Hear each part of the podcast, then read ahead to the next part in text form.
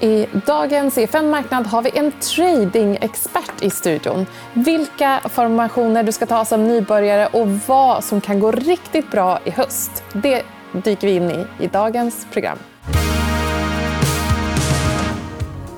Med oss i studion för att prata om trading har jag Fredrik Stenlund. Du har tradat sedan början av 2021. Gör du det på heltid nu? Yes, det stämmer bra. Ja. Hur kom det sig att du hittade till eh, tradingen från början?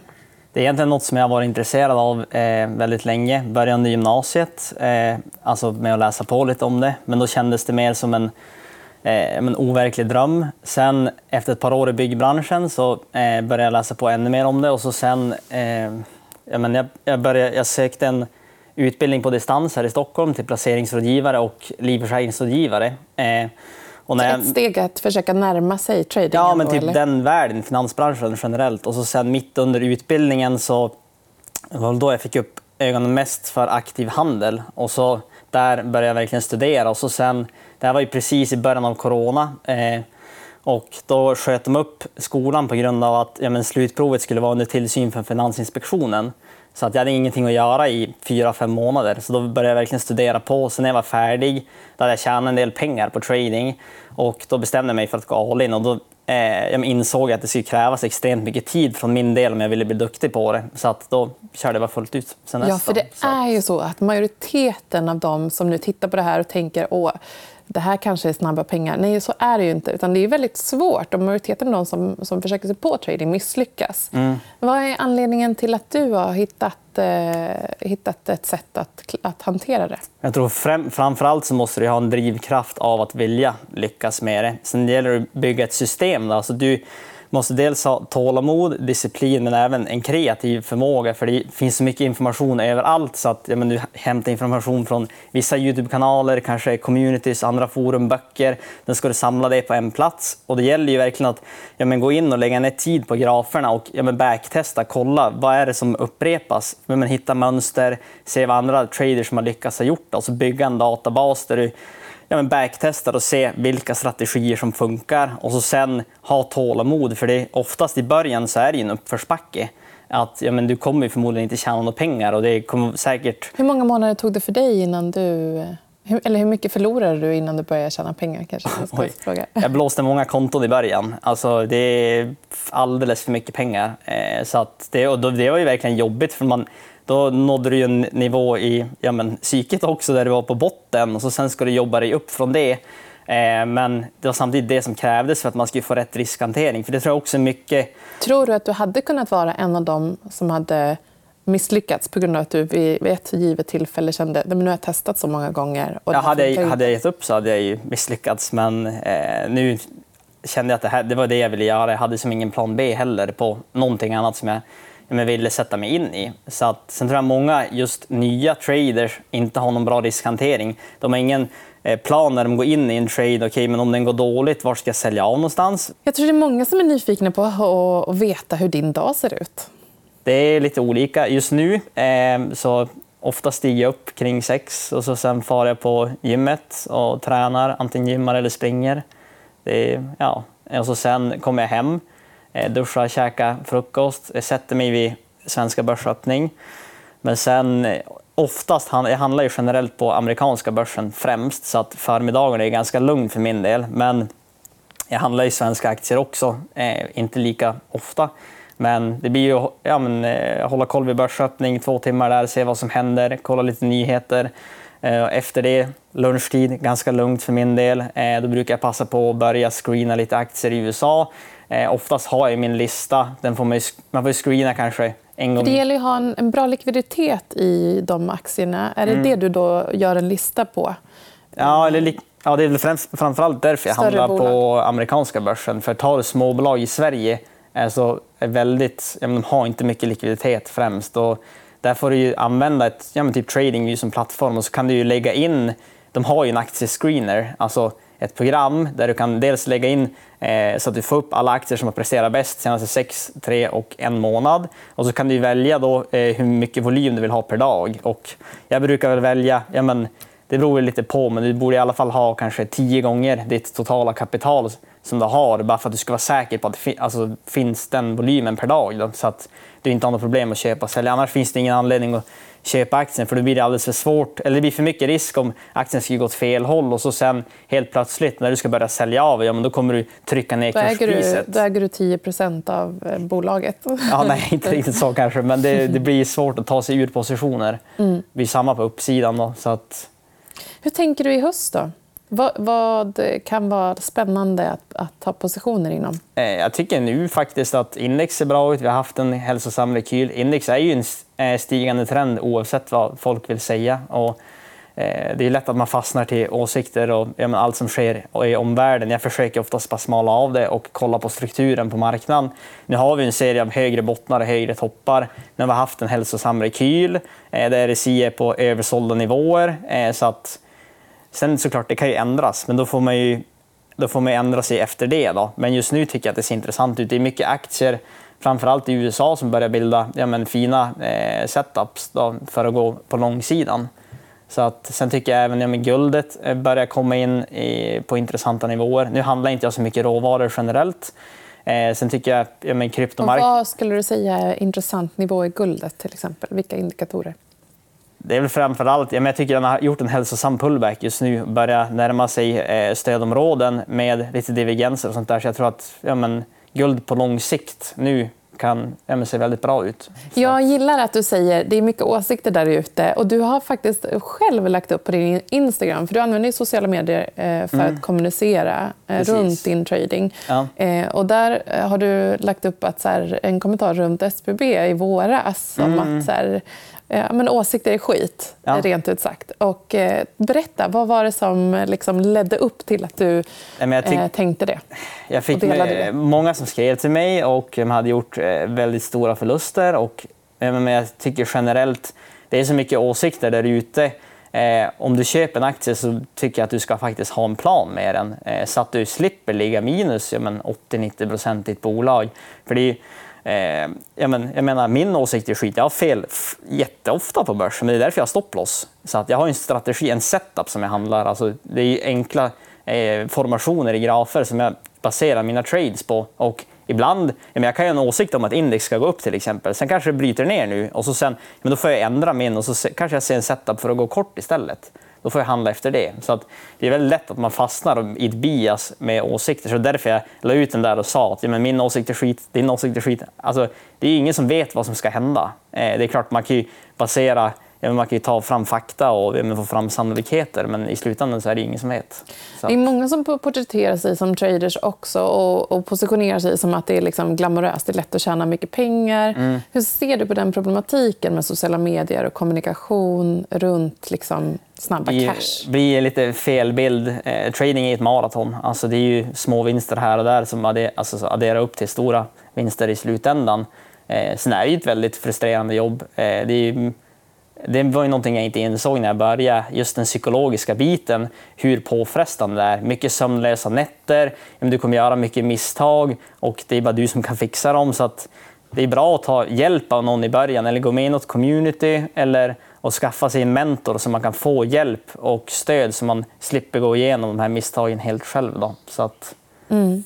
Eh, om du eh, Eh, liksom ändå tittar på lite mer av det som sker i höst eh, så har du nämnt index, eh, guldet. Mm. Om man är nyfiken på andra tillgångslag, vad, vad är bra att trada i?